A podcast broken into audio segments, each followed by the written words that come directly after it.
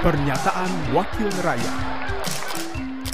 Pernyataan Diah Roro Esti, anggota Komisi 7 DPR RI, fraksi Partai Golongan Karya, daerah pemilihan Jawa Timur 10 saat rapat kerja dengan pemerintah dan Dewan Perwakilan Daerah Republik Indonesia membahas pokok-pokok panja rancangan Undang-Undang Energi Baru dan Energi Terbarukan, Senin 20 November 2023. Uh, berkaitan ini tadi dari Kementerian Keuangan sudah berbicara mengenai carbon uh, tax atau pajak karbon, di mana kami pada prinsipnya sa sangat mendukung dan sudah berkali-kali ini kami bicarakan juga di dalam rapat panja uh, tentang uh, penyusunan penyusunan RUU EBET.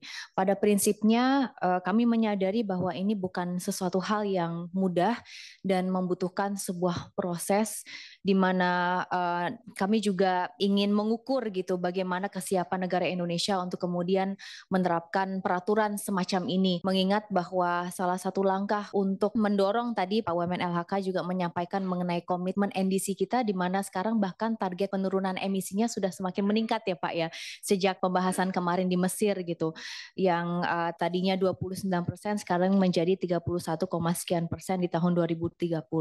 Nah oleh karena itu dengan skema pajak karbon ini kami berharap bisa membantu.